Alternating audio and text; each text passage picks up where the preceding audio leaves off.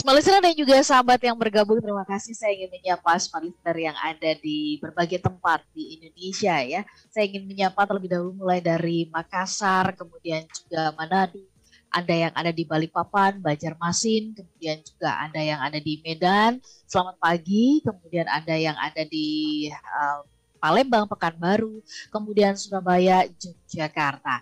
Selamat pagi untuk Anda semuanya. Pagi hari ini kami mengajak Anda untuk membahas uh, satu topik yang menarik ya. Dan ini sudah ada tanggapan tanggapan-tanggapan dari uh, YouTube. Saya ingin menyapa ada uh, Santi Anwar ya. Uh, ini bukan Bu Santi kan ya Pak Arfan ya? uh, Mbak Santi Anwar, dan Freuda, sisi gelap manusia yang disembunyikan ke orang lain, tapi harus kita akui sebagai sisi gelap kita. Iya, ini uh, karena dengan pengakuan kita nanti bisa memperbaiki kira-kira begitu ya Pak Arfan. Oh, Tapi nanti kita tanya kepada Pak Arfan ya. Kemudian ada di Andri. Halo Mbak Ola, Pak Arfan, Mas Arfan, seperti yang sekarang lagi viral nih. Saya happy banget loh. Lihat Bilar akhirnya jadi tersangka kasus KDRT. ini wajar gak sih? Aduh, oke okay, baik. Nah ini nih Pak Arfan yang uh, mungkin juga menyangkut yang tadi sempat saya tanyakan ya kepada Pak Arfan kan sosial media memungkinkan kita bisa melihat apa saja bahkan uh, urusan terdalam dari sebuah rumah tangga ya atau ya. pribadi ya urusan dapurnya kamarnya semuanya bisa kita lihat dan ketika itu adalah sesuatu yang penderitaan ya kesulitan kita tuh kayak kayak merasa mungkin kata-katanya gini mampus rasain tuh kan kok bilang juga apa gitu gitu kan Pak Arfan ya. ya. Nah ini Bagaimana tanggapan Bapak melihat kondisi ini termasuk juga tadi yang sudah diakui dengan jujur ya oleh teman-teman oleh smart listener melalui silakan. Terima kasih banyak Mbak Ola ya. Jadi um, nomor satu yang ingin saya tanggapi adalah begini.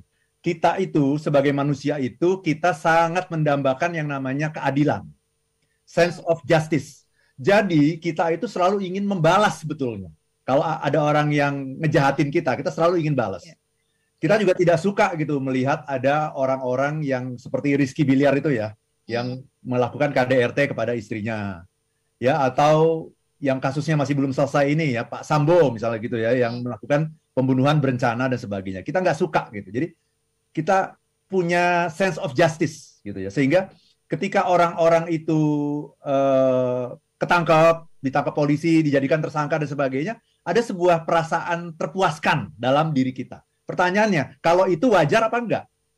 Hmm. Nah, itu wajar. Gitu ya, itu wajar. Kenapa? Apakah itu mengurangi kasih kita? Tidak. Hmm. Karena kita sedang mengasihi si korban. Hmm.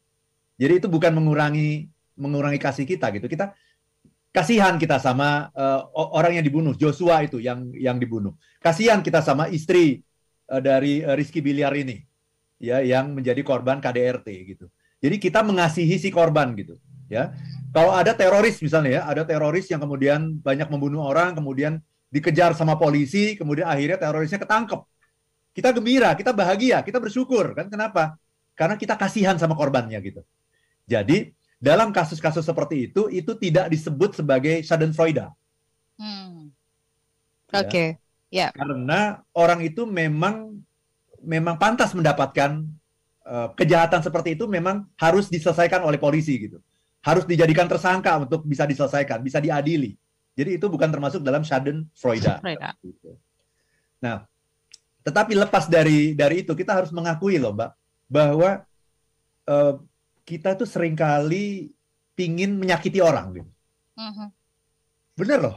Dan, dan ini saya harus membuka gitu sisi sisi gelap dari diri saya sendiri dan ini mungkin what is most personal kan is most general kan katanya ya. Apa yang ada dalam diri kita kan sering kali juga ada di banyak orang ya. Seringkali kita itu sering merasa suka loh menyakiti orang, tapi apa? Tapi kita tidak mau melakukannya sendiri. Hmm, kita pengen tangan orang lain nih gitu. Tangan lain. apa bedanya dengan ya, ya artinya ini ini secara sederhana sama dengan orang yang menyewa bayaran gitu-gitu ya Pak Arfan ya. Iya, tapi kalau menyewa pembunuh bayaran itu masih ada campur tangan kita kan? Oh, oke. Okay. Kita okay. kan menjadi dalangnya kan, kita kan Betul. kan menjadi mastermindnya kan. Jadi itu sama yeah. aja sama sama kita sebenarnya. Iya, yeah, iya. Yeah. Orang itu hanya bekerja atas perintah kita kan. Berarti sebetulnya. Walaupun bukan kita yang melakukan tapi sebetulnya itu kita gitu. Oke. Kalau ini adalah kita ingin dia seperti itu tapi jangan tangan kita dan berharapnya orang lain yang ngelakuin gitu ya Pak. Iya iya iya iya iya. Nah, okay. ya, kalau kalau saya lihat dari dari tertawanya Mbak Ola kan Mbak Ola pasti juga pernah kan kayak begitu kan? Iya iya iya iya. Iya. Enggak. Pernah, ya. pernah nggak ya? Kayaknya enggak ya. Jadi ini gini, kalau kita bicara Schadenfreude, orang itu cuma ada dua tipe, dua jenis. Iya. Orang yang jujur sama nggak jujur. Oh, gitu. gitu ya. Oh, se se se sejujurnya dan ini saya sedang menata diri saya juga gitu loh. Saya tuh kadang-kadang gitu suka kepingin gitu. Ini uh, cuma jangan jangan dari tangan saya, jangan ada keterlibatan saya. Saya nggak mau melakukannya, saya nggak mau terlibat, saya nggak mau mikirin gitu. Tapi ketika ada orang lain yang melakukan itu, ya, uh, kemudian ada sebuah perasaan sukacita yang saya sembunyikan dalam diri saya, gitu Mbak Ola. Jadi Kenapa kita tidak mau menyakiti secara langsung? Karena, nah ini ini juga penting nih. Kenapa kita tidak mau menyakiti orang itu secara langsung kalau orang itu begitu mengganggu kita? Karena kita tidak mau tersakiti. Kalau kita yang langsung bertindak, apakah menjadi dalang atau melakukannya sendiri, ya dengan tangan kita sendiri, kita punya resiko di situ. Apa resikonya? Resikonya adalah orang itu bisa membalas dan kita bisa menjadi tersakiti gitu. Ya, resiko kedua adalah kalaupun orang yang bersangkutan tidak membalas, maka orang-orang di sekitarnya akan memberikan cap yang buruk kepada kita, stigma yang buruk kepada kita sebagai orang yang jahat gitu. Nah kita nggak mau itu, maka kita benar-benar pokoknya saya nggak mau terlibat deh gitu. Saya nggak mau terlibat sama sekali, tapi dalam hati kecil saya, saya berharap ada orang lain yang mau melakukan hal itu. Nah, kalaupun kita tidak sampai seperti itu, Mbak Ola, ya katakanlah saya sebagai orang yang baik, sebagai orang yang beriman gitu, kemudian saya mengatakan apa? Sabar saja, ya. Nanti biar Tuhan yang balas. Yang balas. Jadi ini udah bukan orang lagi ini ya. Biar Tuhan bahkan kita meminjam tangan Tuhan untuk membalas gitu. Biar Tuhan yang membalas kan. Betapa seringnya kita mendengar kalimat seperti itu, benar nggak? Betul. Orang-orang yang mengatakan dirinya eh, beriman, percaya kepada Tuhan, kemudian mengatakan ya sudah sabar saja, biar Tuhan yang membalas. Artinya apa? Ketika kita mengatakan biar Tuhan yang membalas, sebetulnya kita sudah berada dalam kondisi Schadenfreude itu. Dan ketika benar-benar dia mengalami uh, musibah, kemalangan, kemudian, nah itu dia. Tuhan sedang bekerja. Tuhan tidak pernah tidur, tidur. katanya gitu. Iya. gitu loh. Ketika kita mengatakan itu Mbak Ola, kan ini kan di luar kesadaran kita ya. Ketika kita mengatakan biar Tuhan yang membalas, Tuhan itu uh, tidak pernah tidur, itu kan sebetulnya ada sebuah keinginan. Ya, Diam-diam dalam diri kita untuk suatu ketika dia pasti kena batunya. Tapi saya nggak mau melakukan apa pun karena saya orang baik. Hmm. Nah itu. Oke, okay. jujur kalau tadi Pak Arfan mengatakan uh, ada hanya ada dua orang jujur dan tidak jujur ya.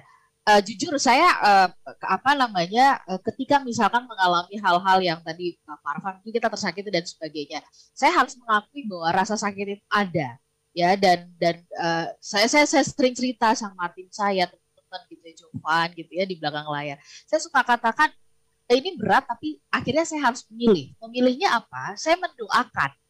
Saya saya selalu memilih akhirnya adalah mendoakan meminta berkat kepada orang-orang yang sudah menyakiti. Ketimbang saya uh, berharap Tuhan membalas pembalasan itu haknya Tuhan terserah dibalas enggak gitu ya. Tapi yang saya minta adalah itu membebaskan saya Pak Arfan ya. Uh, dari perasaan tadi uh, saya dan Freuda tadi itu adalah uh, kecenderungannya kalau sudah muncul seperti itu saya justru mendoakan supaya mereka diberkati.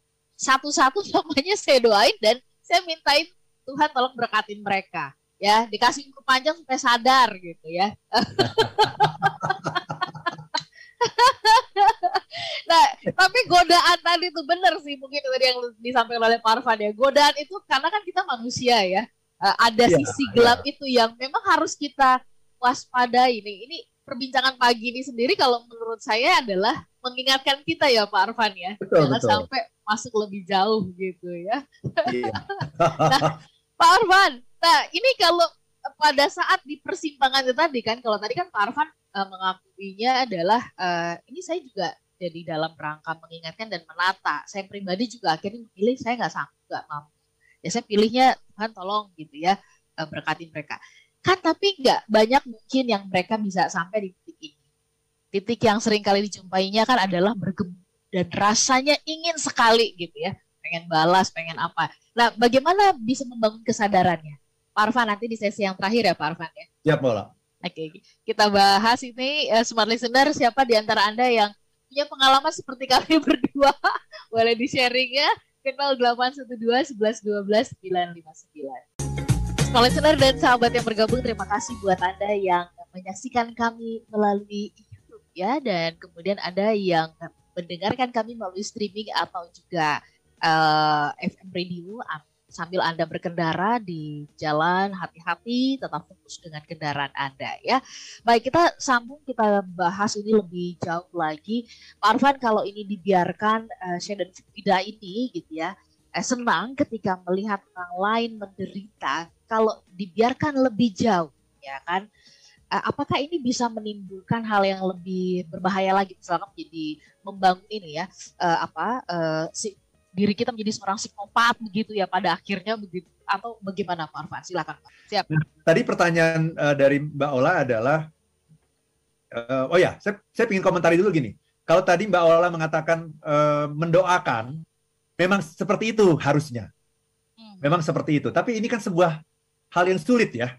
Sebuah hal yang sulit gitu. Karena mendoakan itu adalah sebuah kegiatan yang tidak diketahui oleh orang lain. Ya. ya. Jadi um, justru kan kita sering kali menyembunyikan hal-hal yang tidak baik kalau orang tidak tahu kan. Nah ini orang lain nggak ada yang tahu malah kita mendoakan orang yang tidak kita sukai itu sesuatu yang sangat sangat sulit gitu. Kecuali kalau kita punya rasa cinta gitu. Jadi memang yang harus ditumbuhkan itu adalah cinta Mbak Ola. Apa itu cinta? Cinta adalah melihat orang lain sebagai bagian dari diri kita sendiri. Nah, Schadenfreude adalah melihat orang lain sebagai orang lain, sebagai bukan bagian dari diri kita. Jadi kalau mereka malang, saya nggak merasa harus ikut-ikut bersedih, saya malah senang gitu. Jadi ini bertentangan dengan cinta yang namanya Schadenfreude ini gitu. Gitu Bala. Jadi memang harusnya begitu tadi. Kalau Mbak Ola udah sampai pada level itu, wah itu udah sampai pada level mungkin mendekati Ibu Teresa kali gitu ya. Seharusnya memang seperti itu ya. Ya, ya, oke. Okay. Baik, Pak Arfan kalau ini dibiarkan gitu, ini bahaya nggak sih? Kalau tadi kan di awal sempat disebut, ya ini normal gitu ya, siapa saja bisa mengalaminya. Tapi kalau ini dibiarkan, apakah ini uh, berbahaya dan bisa membentuk uh, pribadi atau seseorang yang kalau karena berbentuk ya, uh, bisa membentuk seseorang itu menjadi seorang psikopat gitu, Pak Arfan? Ya, terima kasih Mbak Ola ya. Kalau sampai ke level psikopat, uh, saya tidak tahu gitu ya, apakah bisa sampai seperti itu ya. Tetapi bahwa ini akan menurunkan kasih kita kepada sesama, yes. Ini akan menurunkan uh, compassion kita, belas kasih kita kepada sesama gitu. Karena semakin sering kita melakukan ini, kita akan semakin kebal gitu. Kita akan semakin uh, tidak punya hati gitu ya tidak punya rasa belas kasih kepada orang lain gitu ya jadi kalau dibiarkan ini berbahaya jadi yang ingin saya sampaikan sebetulnya teman-teman semua kalau anda memiliki yang namanya Schadenfreude di level apa pun nomor satu itu wajar. Mungkin hampir semua orang memiliki itu cuma tidak mau mengakui gitu. Jadi akui saja bahwa kita mungkin masih dalam kondisi itu. Yang perlu kita lakukan dari hari ke hari adalah menurunkan levelnya mbak. Ya dari misalnya sekarang 5 ke besok 4 3 2 1 gitu. Karena ini ber berbahaya mbak. Bukan hanya ke kepada orang yang tidak kita sukai loh. Tapi ini Mbak Ola, diam-diam kita juga suka Schadenfreude terhadap teman kita, sahabat kita, saudara kita. Yang kita lihat, kok dia beruntung banget ya? Kok hidupnya mulus-mulus aja ya, sementara saya ini susah gitu ya. Kok dia kalau liburan tuh ke Amerika, ke Eropa, pasang lagi fotonya di Facebook, di Instagram. Nah ini juga peringatan yeah. nih bagi yeah. bagi kita, makanya jangan suka pamer. Iya, iya, iya, iya. Tapi memang kecenderungan orang termasuk saya ya, termasuk saya ini saya jujur ya. Kadang-kadang kita suka ingin memamerkan gitu. Eh, saya baru pergi ke sini nih. Kadang-kadang gitu. Jadi kita tuh harus menahan diri diri kita sesungguhnya ya. Supaya tidak terlalu sering pamer karena terlalu sering pamer itu menimbulkan penyakit di diri orang lain. Penyakit apa? Ya penyakit itu iri, dengki dan sebagainya. Jadi ketika sahabat kita, saudara kita, teman dekat kita, kok dia beruntung terus ya? Kok dia tambah lama tambah sukses ya? Saya begini-gini terus nasibnya akhirnya saya merasa inferior, dia superior. Sehingga satu ketika dia nggak dapat sebuah proyek besar gitu ya, atau satu ketika dia lagi ngomong, lagi pidato, tapi kepleset gitu ya, gitu ya. Uh, uh, apa salah ngomong gitu. Kemudian kita merasa ah gitu. Ada sebuah ada sebuah apa ya sedikit kali mbak ya cuma sedikit se, seber seber apa sebetik gitu ya di hati kita itu ada ah gitu. Hmm. Kita nggak nggak sempat mengemukakan tapi ada sebuah kelegaan gitu loh. Oh, gitu. Akhirnya dia bisa kena juga nih. Oh, ya akhirnya bisa sama sama saya juga nih gitu. Iya, iya, iya. Dan ini Mbak Ola, sebetulnya orang yang suka melihat kemalangan ini bukan hanya bukan hanya orang-orang dewasa Mbak Ola, bahkan anak anak kecil. Kecil pun, ya. Coba ya misalnya gini. Misalnya nih di di depan kita nih ada anak-anak kecil ya, mungkin umurnya 2 tahun, tiga tahun gitu ya, empat tahun, masih anak-anak sangat uh, balita gitu Kemudian kalau ada orang yang berpura-pura jatuh gitu, berlagak jatuh gitu, kira-kira mereka tertawa nggak anak-anak itu? Ketawa. Wah. Nah, itulah itu awalnya dari Schadenfreude. itu awalnya gitu. Jadi ya. uh, nonton Mr. Bean misalnya gitu ya kan Mr. Bean itu kan penuh dengan kemalangan ya kemalangan kemalangan gitu ya. tahu-tahu dia jatuh tahu-tahu dia uh, tabrak lah gitu ah, ya uh, Dan ya, di, ya. kalau di Indonesia tuh ada saya nggak tahu. Srimulat dulu ada. Srimulat ya Pak. Iya. Srimulat ya yang uh, lawakan-lawakannya itu slapstick istilahnya gitu ya. Jadi ya. orang ketabrak, orang jatuh gitu ya dan sebagainya gitu. Dan kita menyaksikan itu tertawa. Tetapi tolong dibedakan, Mbak. Tertawanya itu tertawa jahat atau tidak. Nah, gini. Cara membedakannya adalah kita dalam eh, bawah sadar kita kita tahu bahwa ini pura-pura kita tahu bahwa ini bukan kejadian yang sesungguhnya. Kita tahu bahwa ini sesuatu kemalangan gitu ya. Tapi tidak membahayakan gitu. Ya, ya, ya, ya. Sehingga kita tertawa lepas gitu. Nah, ya. itu karena di bawah sadar kita, oh ini ini ya. bukan bukan musibah sebetulnya gitu ya. Tetapi nah yang namanya Schadenfreude itu ketika kita tahu ini musibah sebenarnya, kita masih tertawa juga gitu. Oke. Okay. Gitu, Pak Arfan ada listener Wilson di Jakarta uh, sekaligus ini nanti perbincangan kita pernah uh, lihat pernah happy juga lihat orang lain susah waktu Ade Armando babak belur katanya gitu ya. Oke. Okay. Nah, nah, ini ya, nih ya. contoh uh, Freuda banget ini gitu ya. Oke, okay, tetapi uh, kalaupun kita mengalami ada di di di uh, titik ini Pak Arfan, apa yang harus kita lakukan? Karena tadi Pak Arfan juga mengatakan kan ini kalau kita biarkan kan menggerus empati kita, kondisi kita uh, yang kehilangan empati. Apa yang harus kita lakukan mengingatkan diri kita membangun awareness yang terus-menerus? Ya, very good question. Ya, jadi uh, tertawa terbahak-bahak terhadap kemalangan orang lain berdasarkan penelitian, Mbak, menumpulkan kepekaan kita uh, mulai dari uh, sampai 10%, Mbak. Hmm. Jadi ketika kita tertawa gitu ya, wah kepekaan kita tumpul 10%, turun lagi 10% gitu. Dan lama-lamanya akan tergerus gitu. Nah, Caranya gimana gitu ya? Caranya adalah tumbuhkan cinta. Tumbuhkan cinta gitu ya. Cinta itu apa sih gitu ya? Kan ya. abstrak ya. nih. Nah, saya kasih yang gampang aja. Cinta itu adalah melihat orang lain sebagai bagian dari, diri kita. Ya. Coba, ya. kamu seneng nggak di seperti Ade Armando? Ya, hmm. dibikin babak belur seperti itu, dipermalukan di depan publik. Kamu mau nggak seperti itu? Kamu mau nggak bapak kamu diperlakukan seperti itu? anak kamu diperlakukan seperti itu, ibu kamu diperlakukan seperti itu, mau nggak? Hmm. Iya ya, saya nggak mau. Nah, kalau kamu nggak mau, kamu nggak suka, jangan lakukan itu pada orang lain. Jangan bersuka cita terhadap kemalangan orang lain gitu, Mbak Ola. Oke. Okay. Tumbuhkan cinta, tumbuhkan cinta. Cinta itu adalah itu melihat orang lain itu part of yourself. Bagian dari diri kita ya. Oke, okay. baik. Pak Arfan uh, menutup akhir um, pekan ini begitu ya pekan ini dengan kita diingatkan bahwa ada cara kok ya membangun kepekaan adalah dengan menambahkan cinta cinta itu artinya dalam melihat orang lain sebagai bagian dari diri kita ya. Baik smart dan juga sahabat yang bergabung rekaman ini kami simpan di YouTube di kanal Smart FM buat anda yang sudah mendaftar untuk workshopnya Pak Arfan besok jangan lupa ya ingat ya untuk uh, bisa ikutan uh, di acara tersebut. Parvan, kalau masih ada kesempatan saya juga berkenan mungkin kalau boleh ikutan ya Parvan ya. Siap, ya. Siap. Kalau bisa ikutan ya. Siap. Oke, kita pamit sehat-sehat untuk Anda semuanya dan semua listener kami uh, ajak Anda juga bisa memiliki Love is the Answer bukunya bagus banget gitu ya. Ini sudah edisi new edition. Uh, new edition ya, ya di tahun edisi revisi juga ya 2018 perdananya waktu itu kalau ada yang ikutan gitu ya workshopnya adalah bikin seminar Lita waktu itu. Perdana bukunya terbit begitu ya. Kalau masih ingat mungkin foto-fotonya bisa anda pampang tuh. Baik sehat-sehat sekali semuanya. Kami pamit saya Nurlija dan saya Arfan Pradiansyah. If you wanna be if happy. you wanna be happy. Be happy. Be happy. Now. Now